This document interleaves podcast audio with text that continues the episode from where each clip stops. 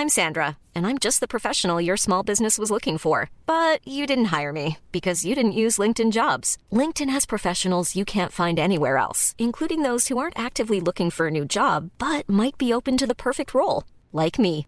In a given month, over 70% of LinkedIn users don't visit other leading job sites. So if you're not looking on LinkedIn, you'll miss out on great candidates like Sandra. Start hiring professionals like a professional. Post your free job on linkedin.com/people today. Hey, I'm Ryan Reynolds. At Mint Mobile, we like to do the opposite of what Big Wireless does. They charge you a lot, we charge you a little. So naturally, when they announced they'd be raising their prices due to inflation, we decided to deflate our prices due to not hating you. That's right. We're cutting the price of Mint Unlimited from $30 a month to just $15 a month. Give it a try at mintmobile.com slash switch. $45 upfront for three months plus taxes and fees. Promo rate for new customers for limited time. Unlimited more than 40 gigabytes per month. Slows. Full terms at mintmobile.com. Millions of people have lost weight with personalized plans from Noom, like Evan, who can't stand salads and still lost 50 pounds. Salads, generally, for most people, are the easy button, right? For me, that wasn't an option. I never really was a salad guy. That's just not who I am. But Noom worked for me. Get your personalized plan today at Noom.com. Real Noom user compensated to provide their story. In four weeks, the typical Noom user can expect to lose one to two pounds per week. Individual results may vary. Under hösten 2015 sker någonting märkligt i Kalmar. En då 87-årig kvinna överlåter sin allra käraste ägodel, en villa värd 15 miljoner, till en 40 år yngre läkare som endast känt henne några år. När det här uppdagas börjar kvinnans släktingar undersöka vad som har hänt. Och det som då kommer fram är både skrämmande och sorgligt. Mitt namn är Nils Bergman och du lyssnar på Rättegångspodden och på den första av tre delar om Dr. Grym. Christian och kusinen Björn är oroliga för sin faster. De anser att hon har blivit lurad på ett raffinerat sätt att bland annat skänka bort sin fastighet på Jutevägen. De säger även att Dr. Grym nästlat sig in hos Gisella. Enligt kusinerna har således Gisella ingenstans att bo egentligen. Hon levde ju för det. Det var ju hennes, det var hennes största kärlek i livet, var ju fastigheten. Och då förklarar vi för henne att ja, du har inget hem längre. Du har gett bort ditt hem. I centrum för tvisten står en mycket gammal kvinna och en 40 år yngre läkare. Det här gåvobrevet som, som det här målet handlar om, hur gick det till när det kom till? Hon sa att, att hon måste upprätta ett gåvobrev för att skydda mig. Jag förstod inte då vad det innebar. Det här är någonting som inte stämmer, så att det var här jag började tvivla på Jan-Olof Grym. Då. Misstanke finns att fasten drogats för att skriva under handlingar. Kande Sartan, Esomeprazol, Myrtazapin och Prednisolon. Mm. Kvinnans sjukjournaler används som bevis för att läkaren varit djupt involverad i kvinnans vård och utnyttjat sin roll som läkare för att göra henne beroende av honom. Vad har du för kommentarer till det? Den som känner Gisela Palej vet att den kvinnan är ej beroende av något eller någon. Hon säger till mig när jag väl pratar med henne liksom att Grym, han, han går sin egen väg. Han har sin egen agenda. Eh, och sen börjar vi prata just om, om ja, men ni reser ju mycket, ni gör mycket och så vidare tillsammans. Och då, då, då var det så här, då sa hon, typiskt faster, snicksnack. Och då sa hon att ja, ibland får man betala en krona för en kattunge. Sen hämtade hon nyckeln som jag faktiskt har med mig än i denna dag och gav mig. Här är nyckeln till ditt hus.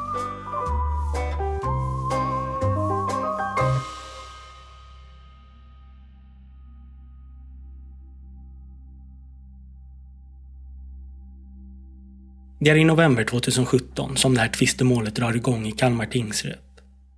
Det här är alltså inte ett brottmål där en förundersökning bedrivits av en åklagare som sedan ska leda i bevis att ett brott har skett. Utan det här är ett tvistemål som handlar om en husgåva och en stor summa pengar. Parterna här kallas för kärande och svarande. Käranden är den som lämnat in stämningsansökningen som ligger till grund för målet och svaranden är den som blir stämd. I det här fallet är det en god man till den nu 90-åriga kulturpersonligheten Gisela Palej som stämmer läkaren Jan-Olof Grym och menar att den husgåva som Jan-Olof Grym ska ha fått av Gisela Palej ska ogiltighetsförklaras. Han vill också att de pengar som Jan-Olof Grym ska ha fått av Gisela ska betalas tillbaka. Den gode mannen och övriga släktingar menar att citat, läkaren har utnyttjat sin ställning som läkare och vän för att lura av en sjuk äldre kvinna hennes fastighet. Läkaren Jan-Olof Grym bestrider alla yrkanden i stämningen. Parterna har varsin advokat och över 20 vittnen är kallade från båda sidor. Advokaterna har samlat in många egna bevis och uppgifter. Och ett av bevisen är ett gammalt YouTube-klipp från en realityserie som Jan-Olof Grym var med i år 2006.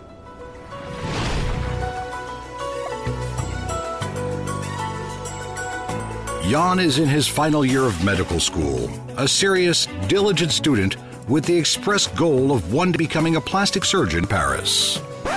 Um, where do I begin to tell the story?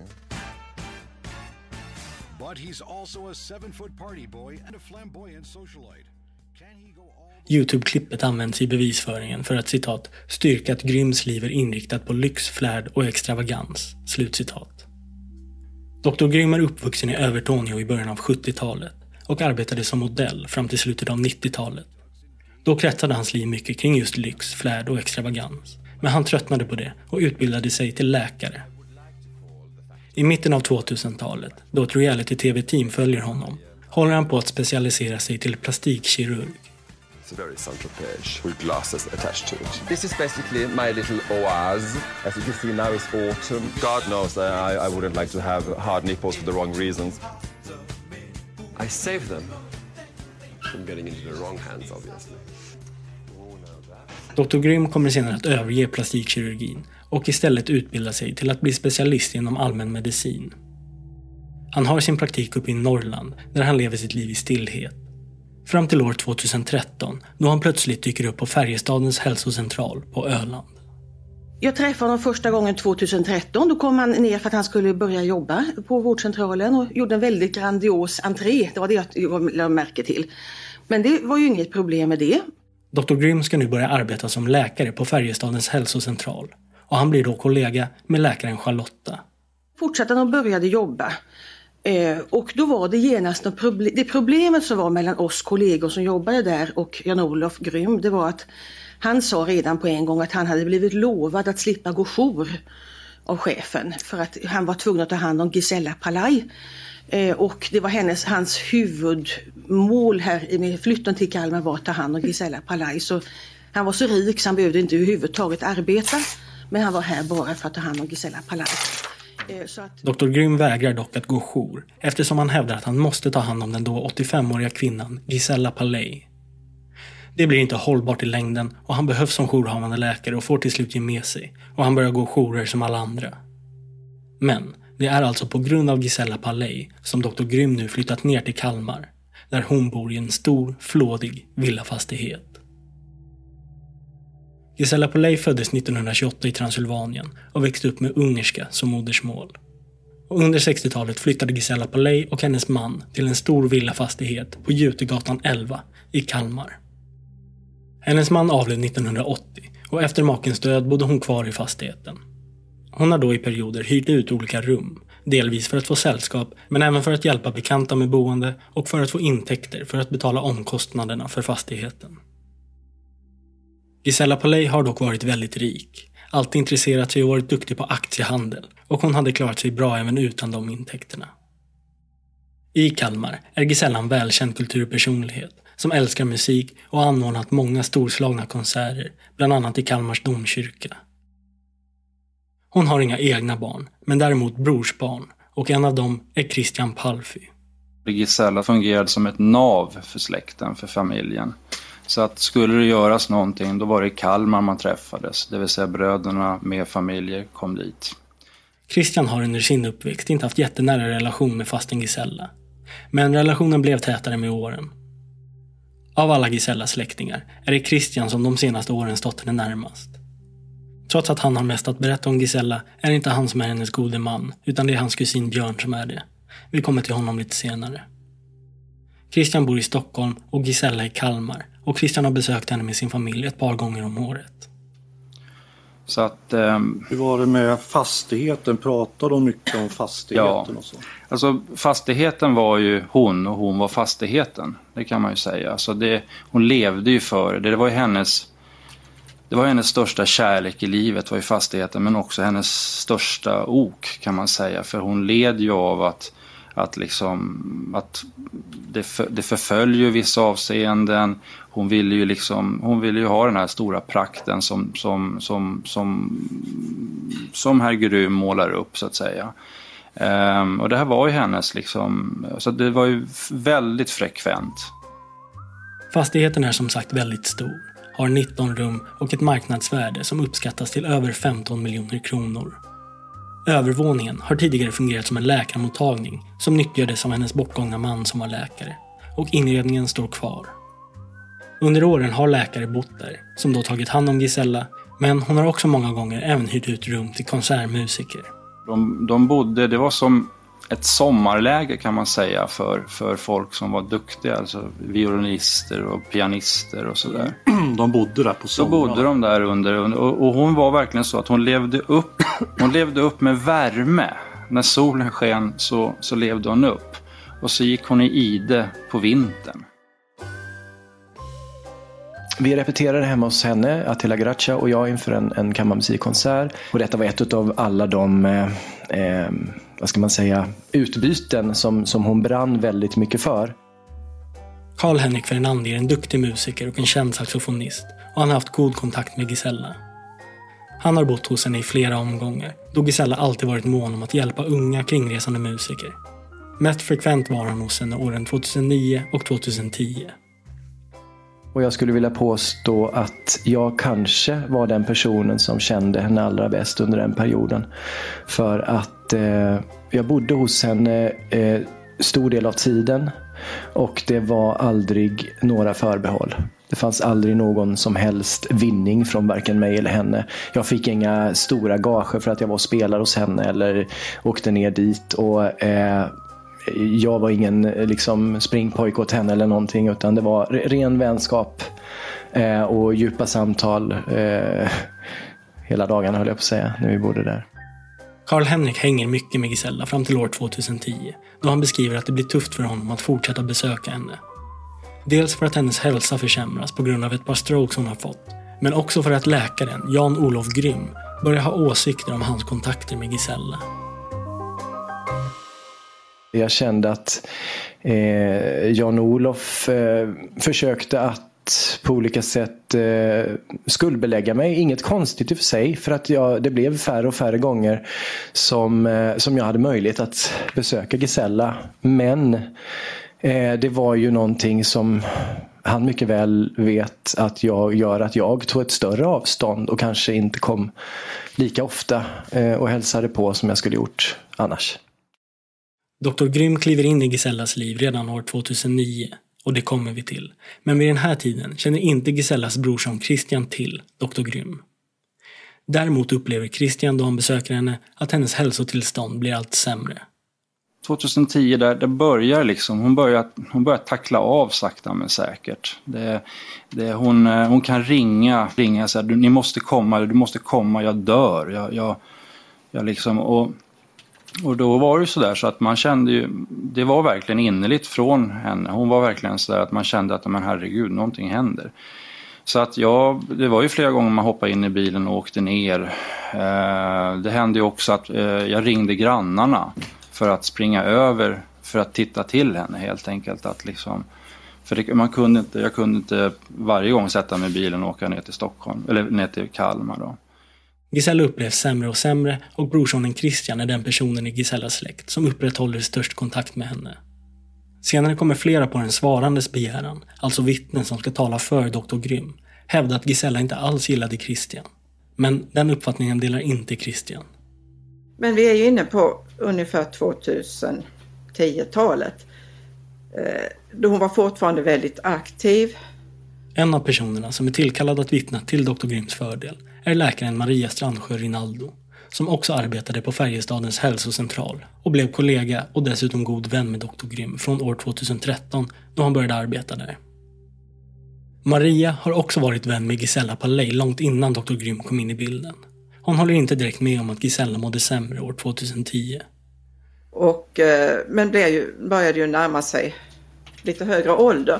Och, och, våra diskussioner kom att prata mycket kom att gälla eh, vad ska det bli när hon inte orkar hålla igång huset så länge. För hon, hon ville leva vidare också och, och eh, vi pratade ofta men hur ska vi göra någon stiftelse av huset? Eh, där du kan få bo kvar och du kan, det kan vara kulturverksamhet som förut och så. Men hon, hon, jag förstod att hon hade många olika tankar. Hon hade tankar på att det skulle vara en läkarmottagning. Hon frågade olika människor ibland om de var intresserade kanske av, av att ta över. Släktingarna uttryckte hon en stor besvikelse över att de inte var intresserade av henne, besökte henne sällan eller aldrig. Mm. Så Maria hävdar att Gisella är missnöjd med sina släktingars engagemang i henne. Det är dock styrkt att brorsonen Christian har besökt henne många gånger. Men kanske vill Gisella ha besök oftare än vad han med sitt liv uppe i Stockholm hade tid med. Gisellas största kärlek i livet är fastigheten och hon vet själv att hon är till åren kommen och blir mer och mer mån om att hitta en lösning som säkerställer framtiden för fastigheten. Att den hamnar i rätt händer även efter hennes bortgång. Maria berättar om första gången hon hör talas om Dr. Grym, kring år 2010.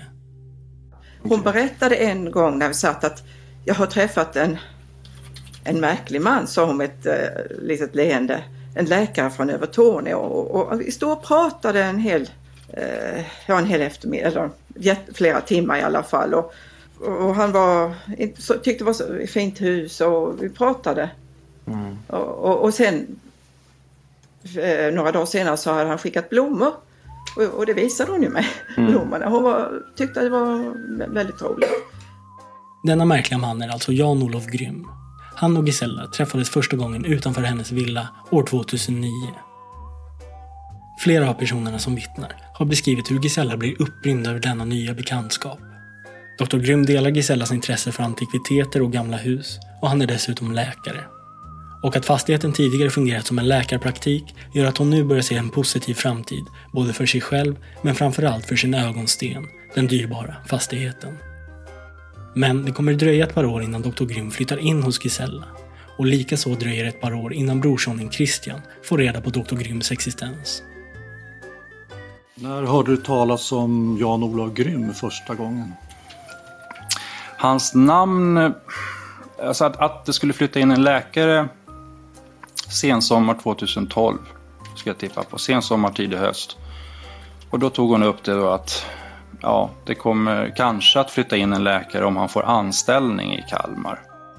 Och Dr. Grym får anställning som medicinskt ansvarig läkare på Färjestadens hälsocentral på Öland år 2013. Nu är det på egen begäran förhör under sanningsförsäkran med Jan-Olof Grym. Advokat Arvenberg får inleda, varsågod. Tackar. Vi hör nu Dr. Gryms egna berättelse om hur det kommer sig att han flyttade ner från Övertorneå till Kalmar och om hans relation till den mycket äldre kulturpersonligheten Gisella Palej. Dr. Grym representeras av advokaten Jesper Arvenberg. Ja, Jan-Olof, du kan väl beskriva din bakgrund, eh, utbildning och liknande? Eh, tack. Eh, jag, jag kan väl börja med att säga så här. När man talar om eh, en bakgrund, när man talar om en sådan här situation, men många, många andra situationer, så måste man nog hitta en helhetsbild.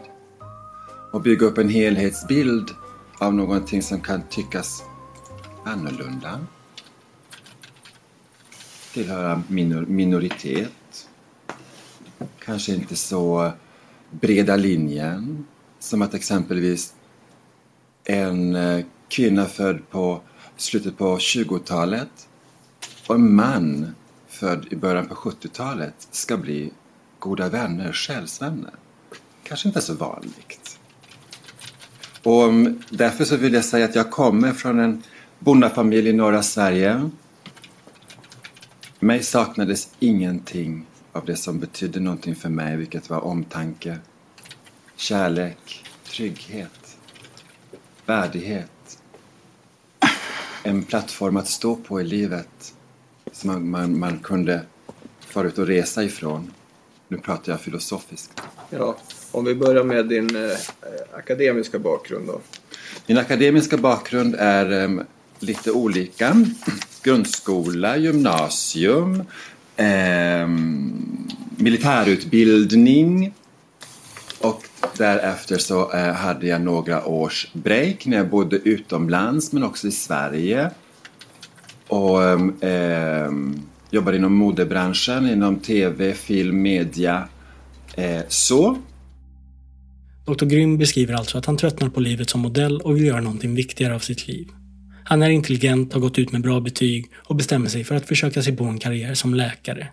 Och eh, mina planer var först när jag började läsa medicin, kanske på grund av att jag har varit i den världen, ehm, att jag skulle se mig emot eh, estetisk kirurgi. Det kallas plastikkirurgi också i, i, i populärpress. Men ehm, då menar jag rekonstruktiv, alltså återställande eh, kirurgi efter hemska brännskador eller liknande. Det var det som jag hade som intresse. Eh, och, eh, men så blev det inte. För att eh, min farmor, som då var närmade sig hundra, ville att jag skulle komma hem. Min mamma som jobbade eh, inom landsting som, som eh, vårdcentral föreståndarinna som det hette på den tiden. Eh, tyckte också att det var lämpligt. Och då gjorde jag som min familj ville. För jag kände att det var det rätta att göra. Farmor gav sitt allt till mig när jag var liten. Allt vad hon kunde och stod för. Och då kunde jag finnas där för henne den dagen hon ville att jag skulle komma hem. Så jag flyttade hem till Norrland. Dr. Grym går nu en specialisttjänstgöringsutbildning för att bli specialläkare i allmänmedicin. Då måste man göra vissa ST-utbildningar och en av de utbildningarna går av stapeln år 2009 i Kalmar. Som Dr. Grym åker ner till och som pågår i flera dagar.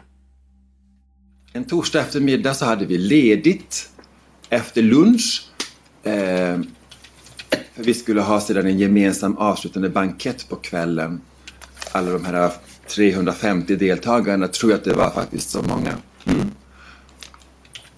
Och jag hade ätit lunch med Socialstyrelsens eh, damer. De hade ett år kvar till pension. De var fantastiska. Eh, efter det så, så hade jag tagit reda på att det fanns antikaffärer i stan.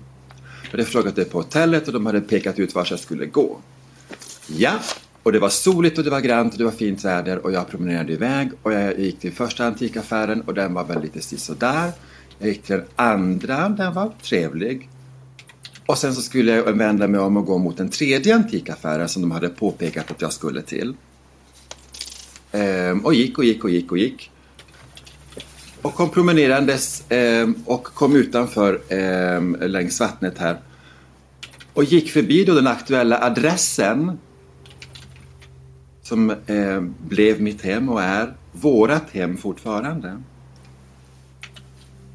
Eh, och då hör jag en kvinna ropa Hallå!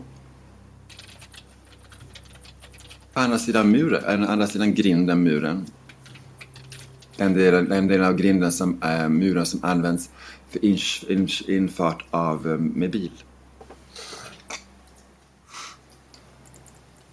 För de som har varit där äh, vet vars, vars den är.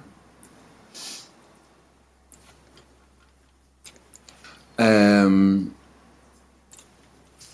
och då samt, samtalades vi, för jag frågade henne om hon visste med, med direktionen vart jag skulle gå Ehm, för att kunna hitta antikaffären som jag blivit rekommenderad skulle finnas där, den tredje. Men nej, det fick jag då inget, ehm, att det fanns ingen antikaffär i området där. Nej, och så skrattade hon och det var någonting som gnistrade till i de där blåa ögonen och, och hon sa men den enda antikviteten som finns här det skulle vara jag. Och så skrattade hon. Ja, eh, den eh, normalt funtade människa som, som inte ser vilken, eh, vilken trevlig och vilken härlig känsla det gav för den som stod där lite vils, vilsekommen. Så vi stod och pratade på varsin sida av grinden.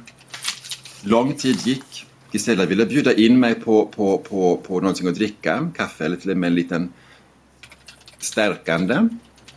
Men eh, jag tackade ödmjukt nej eftersom jag skulle vidare och byta om inför banketten som skulle vara på Kalmar slott och då skulle vi ha en sån här renässansfest, Mm. tror jag det var, eller med, medeltida fest. Och då skulle det vara lite speciella kläder för det. Kanske också har fångats på tv, det vet man ju inte. Så gick jag tillbaka dit, men på vägen dit så, var, så passerade jag en blomsteraffär och där fanns en stor urna utanför affären, eh, på trottoaren så, som var av kejsarliljor. De var så vackra, de var så vackra. Försök inte brodera så mycket, Jan-Olof Grym. Ha lite rakare spår mot det målet som din advokat är ute efter. Förlåt. Och jag skickade blommor till henne. Ehm, med då givetvis som man gör en adresslapp där vars man, man kan em, ringa och tacka för blommor för det, det tillhör ju etikett att man gör så så man inte sätter någon in i ett sånt läge. Efter det här utbildningskonventet och första mötet med Gisella åker Dr. Grym tillbaka upp till Övertorneå. Gisella blev så glad över blommorna och samtalet med honom att hon kommande år fortsätter ha kontakt med honom över telefon.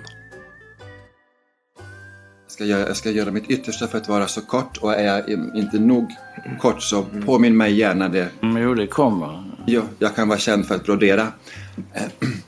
Dr. Grym slutför sin ST-utbildning inom medicin och år 2012 fyller Dr. Grym 40 år. Och då får han ett väldigt intressant telefonsamtal. 2012 var jag i Tärande i en av familjens eh, semesterhus. Eh, med vänner och bekanta och släkt för att fira min 40-årsdag. Och då ringer, min, då ringer telefonen.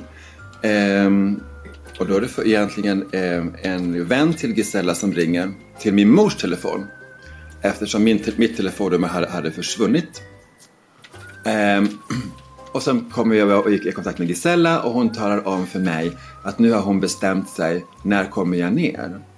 Jag frågade henne, ja, men hur, hur, hur, hur mår du och, och, och, och hur är det nere i Kalmar? Det var hon inte intresserad av att prata just där och då. Hon var intresserad av, av att komma till skott. När kommer du ner? När ska du ta ditt ansvar? Du ska komma ner hit, det är du som ska överta det här. Okej.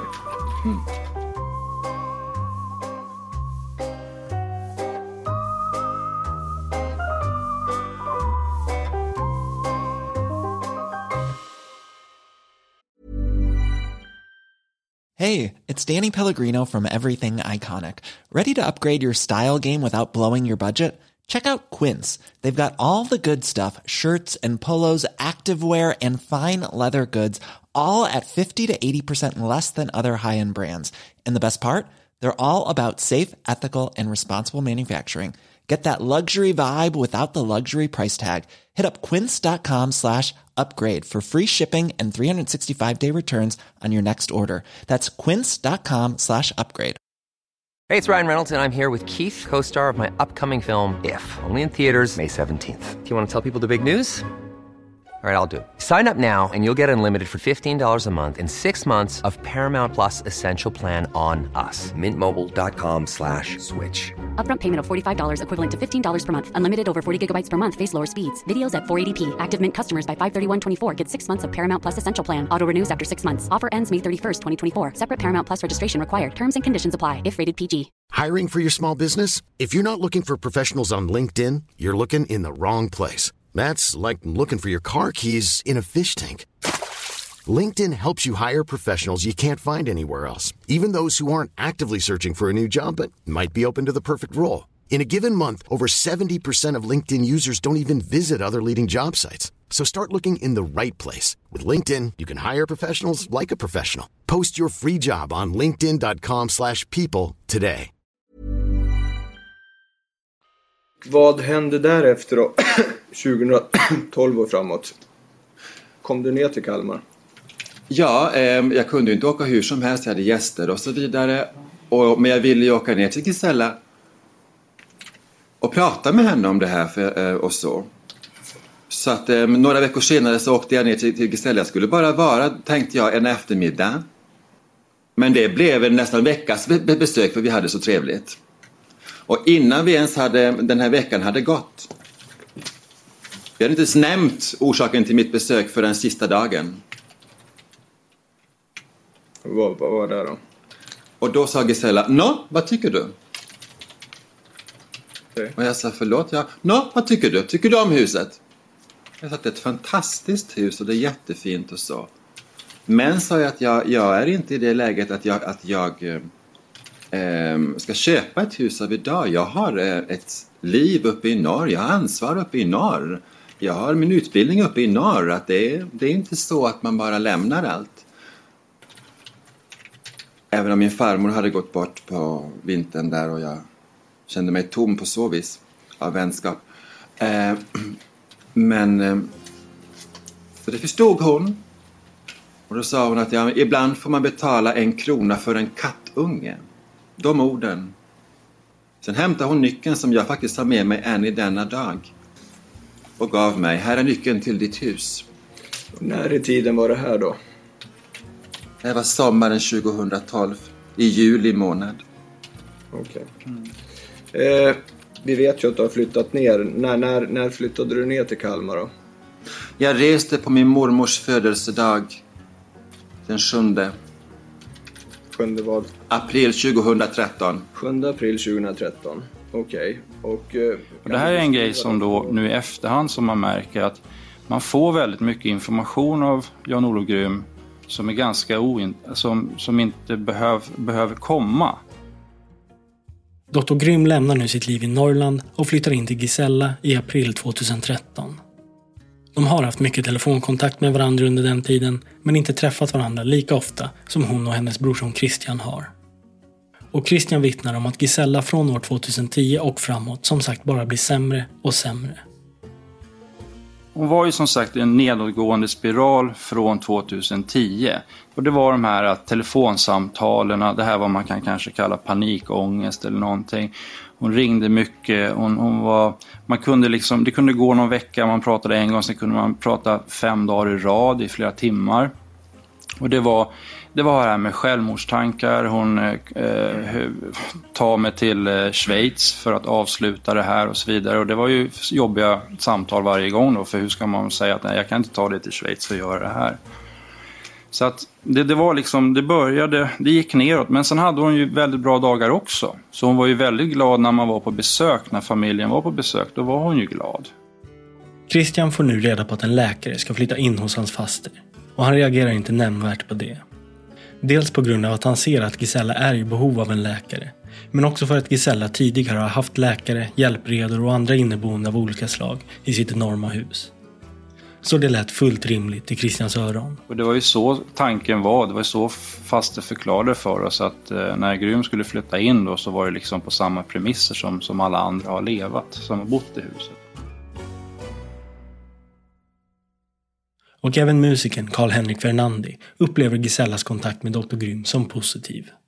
Visst, eh, man kan säga att han var ärlig i det, att jag började komma allt färre gånger. Men någonstans hade jag också en väldigt stark tillit på att Gisella hade det väldigt bra tillsammans med Jan-Olof. Och eh, eh, sista gången jag pratade med Jan-Olof av detta så bedyrade han eh, öga mot öga att han skulle göra allt för att ta hand om Gisella och, göra, och fortsätta ta hand om Gisella. Och det viktigaste i detta det var att hennes största önskan var att få bo hemma ända till hon gick bort.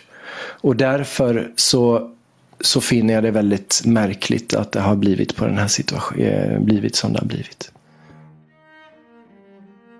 Och så som det har blivit är att Gisella idag inte längre har kvar sin fastighet.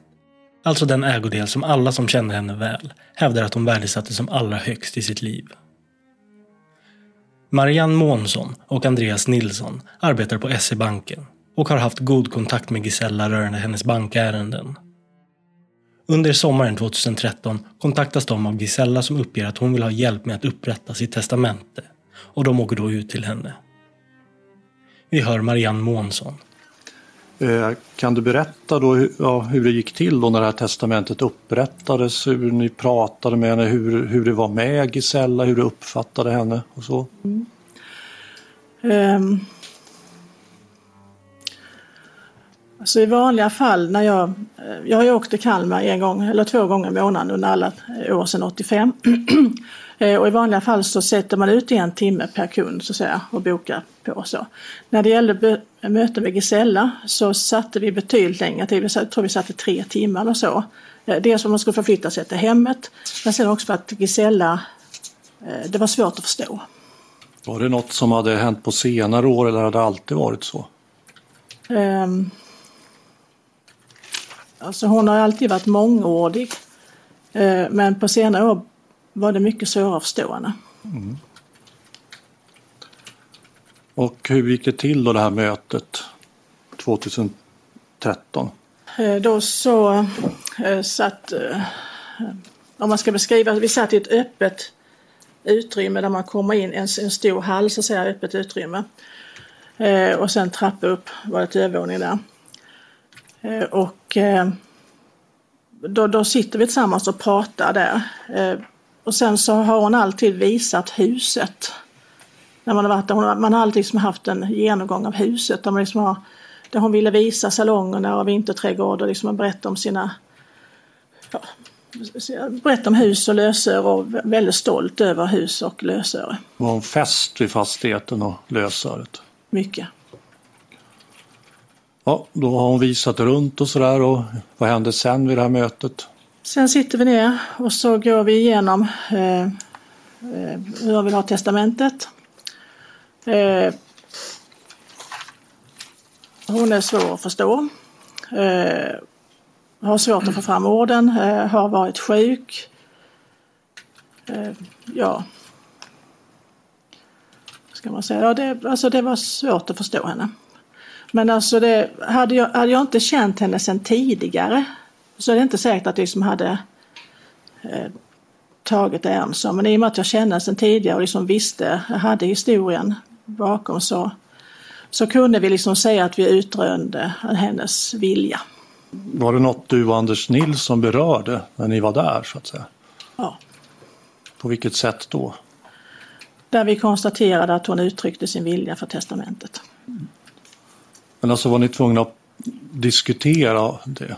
Inte tvungna utan vi, liksom, vi hade så långt samtal så att jag liksom kunde att jag kunde göra bedömningen att hon fick fram sin vilja och visa sin vilja. Är det vanligt att du måste göra sådana bedömningar? När du gör testamenten eller gåvor eller så? Eh, händer. Mm. händer. Vad föreskrev det här testamentet då som upprättades 2013 när det gällde den här fastigheten? Eh, då föreskrevs att eh, eh, Jan-Olof Grym skulle få köpa fastigheten till marknadsvärde. Mm. Enligt Dr. Gryms berättelse så överlät Gisella fastigheten till honom i ett telefonsamtal under hans födelsedagsfirande redan året innan. Så om det stämmer förefaller det något märkligt att Gisella under sommaren 2013 i sitt testamente skriver in att Dr. Grym ska få förvärva fastigheten till marknadspris. Gisellas brorson Christian har inte vetat om någonting om att Gisella ska ha skänkt bort fastigheten till Dr. Grym i ett telefonsamtal. Men däremot blir han nu varse om det som Gisella har skrivit in i sitt testamente. Han får då uppdraget att ringa och meddela den goda nyheten till Dr. Grym. Då var det så här, och nu fick jag väl svar på frågan igår när han berättade att han, eh, han åkte tillbaka till Norrland för att ta hand om sin farmor. Eftersom hon hade tagit hand om honom som han, som han uttryckte det. Och det är ju, det är ju fint. Men då visade det sig enligt Jan-Olof Grym att hon hade skrivit allting på honom. Och att när hon gick bort, då hade grymska släkten gått i taket. Det var så han uttryckte det. Och det var det här han menar, jag har varit med om det här en gång innan och jag tänker inte vara med om det här. Så att hans ståndpunkt när jag presenterade då så att säga det, det Gisella hade sagt, det vill säga att han ska få köpa huset till första, alltså en första king och till ett lägre pris. Det var att Nej, ni, ni kusiner kommer bara kasta ut, oss, kasta ut mig och jag har investerat enorma summor av min tid och pengar. Så det här kommer inte att ske. Det här kommer inte att ske, menar Christian att Dr. Grym säger. Men i testamentet står det nu i alla fall att Dr. Grym har förtur att köpa fastigheten till ett förnämligare pris. Det här året, 2013, flyttar han även in hos Gisella. Ja, jag flyttade in tillsammans med Gisella. Eh, vi skulle bo tillsammans, vi skulle leva tillsammans och, och, och, och som de närmsta och goda vänner som vi hade blivit och vi blev så mycket mer eh, goda vänner. Det vill jag poängtera. Genom åren som gick. Det blir man när man eh, med stor glädje umgås var dag. Vad gjorde ni inom ramen för vänskapen och samboförhållandet? Kan du kort beskriva hur, hur, såg ert liv ut?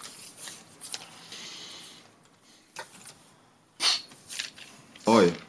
Jag hade nästan räknat med att jag skulle komma ner till Kalmar och få en lugnare period. Jag hade jobbat så mycket uppe i Norrland som en glesbygdsläkare med jourer och en avliden farmor och allt vad eh, så känslomässigt. Och så kom jag till Kalmar för att jag skulle få lite lugn och ro med Gisella. Vi skulle gå ut och äta lite grann och, och, och kanske sitta i trädgården och så. Nähä, så blev det inte.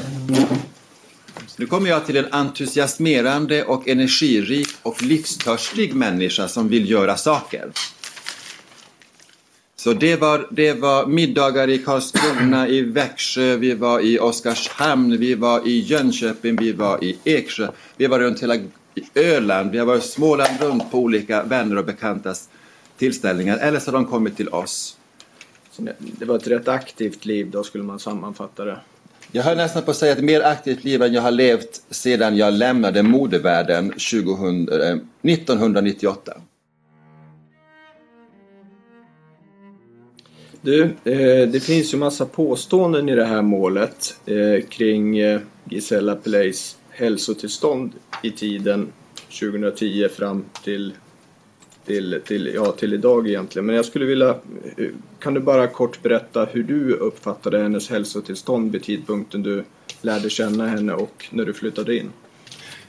När jag lärde känna henne 2009 och såg henne första gången då så, så var det ingenting som jag kan ähm, fundera över att jag skulle komma ihåg. Mer än att hon var så, hon var så glad, hon var så tindrande där på andra sidan grinden. Sen eh, över de samtal som jag haft med henne över åren, över telefonkontakt, så har hon aldrig nämnt om sin sjukdom utan pratat om visioner och idéer och utvecklingar och trädgård och, och så. Under 2013 upplever Gisella en kraftig smärta i ryggen och det beror på att hon har ett mycket påtagligt diskbråck, eller en så kallad spinal stenos. Det är brorsonen Christian, som själv lidit av diskbråck, som upptäcker det då han ser sin kvidande faster som knappt kan röra sig. Hon måste ju ha diskbråck. Och jag tror också att det finns i journalerna att jag ringer upp läkaren och misstänker att det är nervsmärtor. Jag tror att det står så. Så att det är inte egenskap av Jan-Olof Gryms eh, expertis att han är superläkare eller någonting som det här kom fram utan det var liksom att det, var, det hade vilken läkare som helst sett att det var spinalsteros eller diskbråck och sen så opererades hon för det. Så Christian påkallar en läkare som fastställer att det är spinalstenos Gisella lider av och hon opereras då för det. Dr. Grym anser sig inte ha varit Gisellas behandlande läkare utan mer som en vän som råkar vara en läkare. Så det här sköts av andra läkare på Kvarnholmens läkarmottagning där Gisella är skriven. När, vi, när hon kommer tillbaka från sjukhuset då börjar vårt liv efter rehabiliteringsfasen som krävs och omställningsfasen rent psykologiskt efter att ha varit krypandes på golven i ett hus och inte blivit hjälpt mm. till att kunna återigen börja se våren och sommaren och dagens ljus. Man var fortfarande så att säga gammal, trött eh, i vissa avseenden och det fluktuerade. Det fluktuerade det här humöret att tipptopp, super och sen så var det botten liksom. Och, ehm, och sen gick det då så att 2013 till 2015 att säga då att, att hon var helt symptomfri eller liksom frisk, det håller jag inte med någonstans. Christian och Dr. Grym har alltså olika uppfattningar om Gisellas mående vid den här tiden. Jag, jag, kanske inte kan uttrycka mig riktigt med medicinska termer men det jag skulle vilja veta det är ju att vad, vi, har ju, vi har ju tagit del av journalanteckningarna här i målet mm. där vi har fått eh, en, en sjukdomsbild beskriven för oss. Mm. Eh, har, och, så, och så finns det påståenden från motparten om livsleda, depressioner. Mm eh, nedsatt kognitiva funktioner, demens och liknande. Var det någonting som du, du märkte i ert samliv? Nej. Jag märkte ingenting som skulle vara reagera på att jag skulle behöva göra någonting med den kunskap jag har som yrkesman. Det skulle inte jag vilja påstå överhuvudtaget. Um, under hela tiden, visst, vi blir äldre. Ja, vi kan inte hoppa längd fem meter längre när vi är 90 år gamla. Det kunde inte jag göra när jag var 20 heller. Mm. Um, och den utvecklingen finns, men ingenting som, är, som jag skulle säga är alarmerande på något sätt. Um, som skulle um, tyda på att hon skulle falla ner eller, eller stagnera um, mot en sjukdomsbild som vi kan se som presenteras här. Dr. Grym ser inget alarmerande med Gisellas hälsa. Året går över till 2014 och Dr. Grym bor då hos henne tar hand om henne och sköter om hennes mediciner. Han är ju trots allt specialist på allmänmedicin och Gisella ska ju då vara i trygga händer. Men trots detta upplever Christian att hennes hälsotillstånd fortfarande går till det sämre. Men hur var hon då när du pratade med henne? Hon var mer och mer inåtbunden, mer och mer eh, borta. Det var, det var det, samma sak gick om och om igen. Huset, det var mycket prat om huset och och, och, jag var ju noga med henne att säga det, men, men vi gör precis som du vill den dagen det sker. Allting. Skriv ner det, se till att allting finns på pränt liksom. Och jag hade ju som sagt ingen som helst anledning att tvivla på någonting. Jag hade, liksom, jag hade återigen bara positiva saker att säga om Herr Grym. För att, och jag pratade nog mer med Herr Grym än med faster under 2015. Vi hade ganska mycket kommunikation. Och jag var definitivt någon som inte trodde att det som har skett har, har hänt, så att säga. Jag var den som var sist som trodde på det. Vi rör oss nu in på år 2015, som blir ett avgörande år för den här historien. I maj månad kontaktar Gisella återigen sina kontaktpersoner på SE-banken, Marianne Månsson och Andreas Nilsson, som två år tidigare hjälpte henne att upprätta hennes testamente. Nu vill Gisella ändra det som står i testamentet. Vi hör återigen Marianne Månsson. Ja, vad hände på det här mötet då? Eh, då eh, diskuterades testamentet. Eh, Gisella hade en eh, god relation till Jan-Olof Grym och ville gynna honom eh, i testamentet. Eh, och eh, det bestämdes att en andel skulle tillfalla Jan-Olof Grym. En andel bland andra andelar? Och fastigheten då? Skulle ha rätt liksom att avräkna fastigheten på eh, sin andel. Men andelen motsvarar inte fastighetens värde. Och hur gick ni tillväga nu då? Om, var, om ni redan 2013 var tvungna liksom att lite konferera om, fattar vi vad Gisella vill? Hur gick det till i den, med den aspekten nu 2015? noggrann genomgång kan jag säga. Och eh, vi, vi var väldigt tydliga eh, alltså gentemot Gisella ställde frågor. Hon hade svårt att tala. Eh, talade tyst, talade otydligt, hade svårt att få fram eh, men vi, som vi uppfattar så hade hon en vilja att, att, eh, att eh, skriva testamentet för förmån för Jan-Olof Grym. Men, det, men var det svårt att förstå henne? Ja. Mycket. Det var mycket svårt att förstå Gisella. Men eftersom Marians möte med Gisella varit under en så lång tid, tillsammans med en lång överläggning med vittnet Andreas, kunde de ändå bedöma det som att det här var Gisellas önskan. Enligt det testamente som upprättades ska Dr. Grym ha rätt till en andel av Gisellas kvarlåtenskap och på den lotten ha rätt att få ut fastigheten.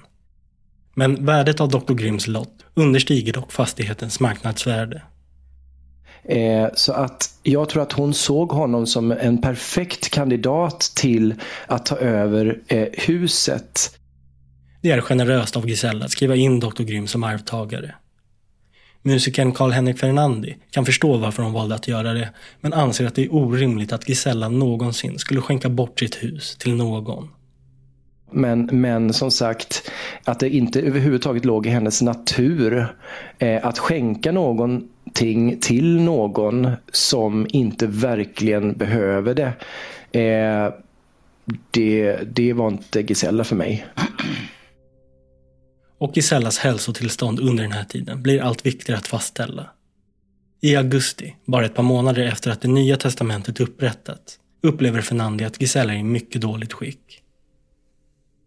Eh, och jag kan säga så här. Det sista hon hade velat missa var min konsert med en av världens bästa organister i Kalmar domkyrka eh, den 13 augusti 2015. Och jag ringde två gånger och meddelade Jan-Olof om detta. Och när jag kom dit spontant, som jag alltid gör till Gusella, då satt hon på en sittning. Eh, jag upplevde henne ganska frånvarande och jag upplevde för första gången att Jan-Olof var riktigt avvisande och otrevlig. Och det har jag inte upplevt överhuvudtaget innan. För han har varit väldigt fin och välvilligt inställd till mig. Och det är månaden efter detta, i september 2015, som blir ödesdiger för den här historien. Det är då Gisella bestämmer sig för att upprätta ett gåvobrev. Du, jag tänker att vi, vi hoppar lite i tiden. Eh, eh, det här gåvobrevet som, som det här målet handlar om. Hur gick det till när det kom, kom till? Oj. Försöka Eh. hitta en kort version på... Ja, men det... No. Ehm. Gåvobrevet. Själva for, det formella gåvobrevet. eh, det tog Gisella upp med mig 2015 ehm, efter hon hade upprättat ett testamente i maj-juni-skiftet där. Då tog hon upp och sa, och sa till mig, nu är det dags. Hon sa att, att hon måste upprätta ett gåvobrev för att skydda mig. Jag förstod inte då vad det innebar. Och eh, hur gick det till när det här kom till då? Eller eh, vem, vem, eh, vem eh, fick du någon instruktion utav Gisella? Var du behjälplig på något sätt? Ja, oh ja. Vi satt i biblioteket mm, eh, och, och, och till vänster där. Och ehm, så hon pratade om det här. Och hon, hon sa att jag skulle hitta, hitta de bästa som kunde skriva ett gåvobrev. Och jag tog fram min, min den här um, laptop, eller vad heter den här paddan. Och googlade. Och där dök um, um, ett telefonnummer upp. Vad googlade du för någonting? Gåvobrev och um, um, Kalmar. Okej, ja. Tror jag någonting sånt. Mm. Enkelt, sån här bred sökning. Mm. Och det kom upp ett nummer och eh, det ringde vi. Jag ringde numret eftersom Gisella har, har, har dålig hörsel. Eh, och pratade och gjorde, bokade ett möte.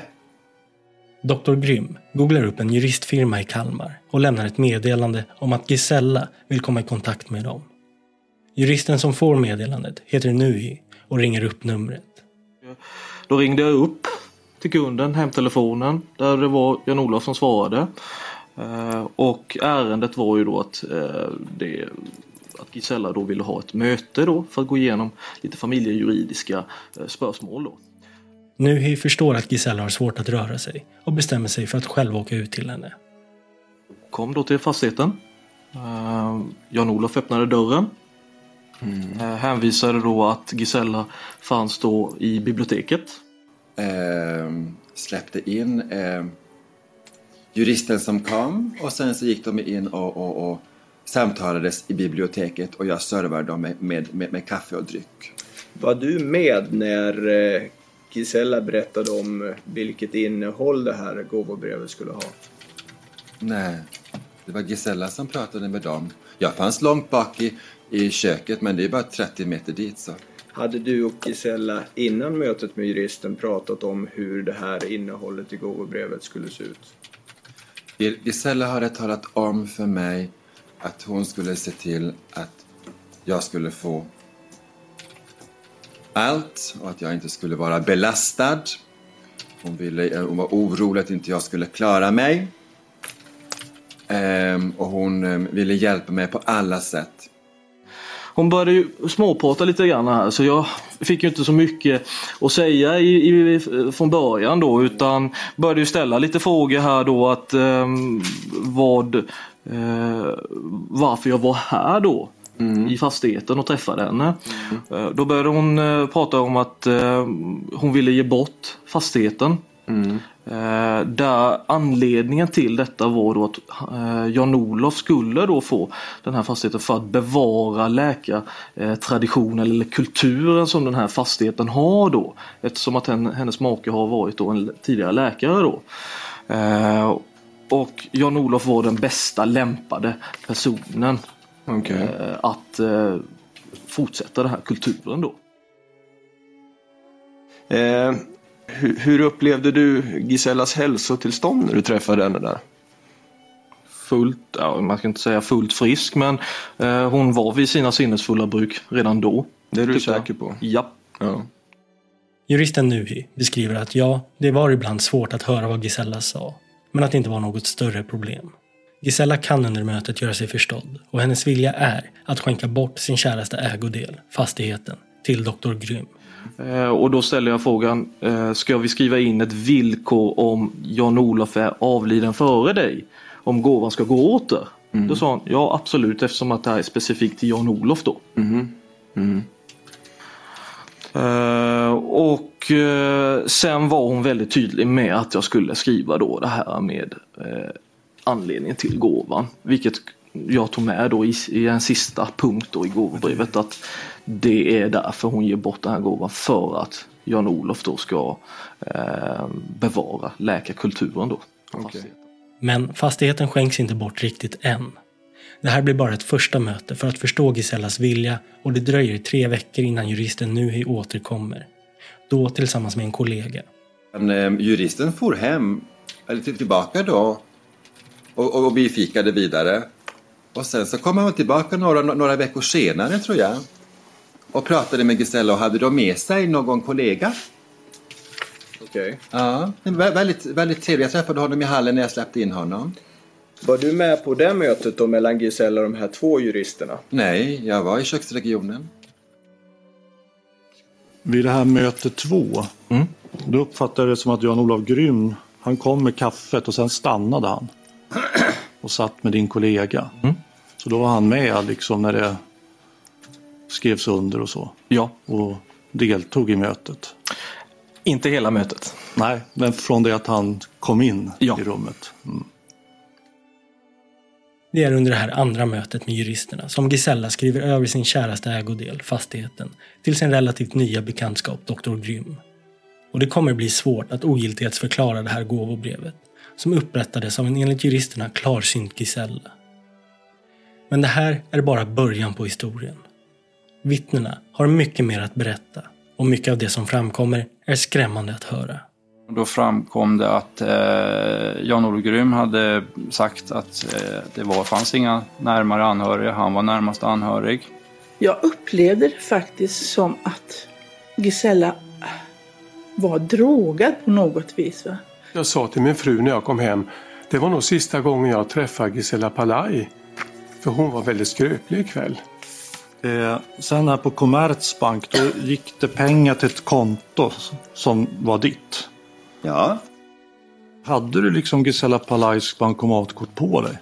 När du gick ja, till det jobbet? hände att jag hade det på mig. Med När du gick på till att- jobbet? Ja, för vi åt alltid frukost tillsammans på morgonen innan jag gick till arbetet.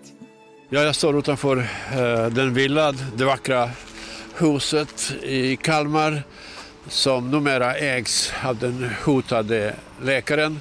När Jan-Olof Grym berättade att han hade fått huset som gåva så tänkte du nu är det ordnat. Ja, Och nu sitter Gisela Palaj i en etta med trasiga IKEA-möbler. Var det, var det så du tänkte att det skulle bli ordnat? Eller är det att ordna får jag berätta någonting om vad Ja. som har hänt efter 2016? Nej, du kan svara på min fråga bara. Ja, får jag lov att berätta någonting? Ja, men besvara frågan först. okej. Var det så det var tänkt att det skulle bli ordnat? Nej. Nej, okej.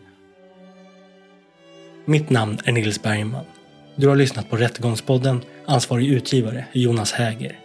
Stort tack till er som prenumererar.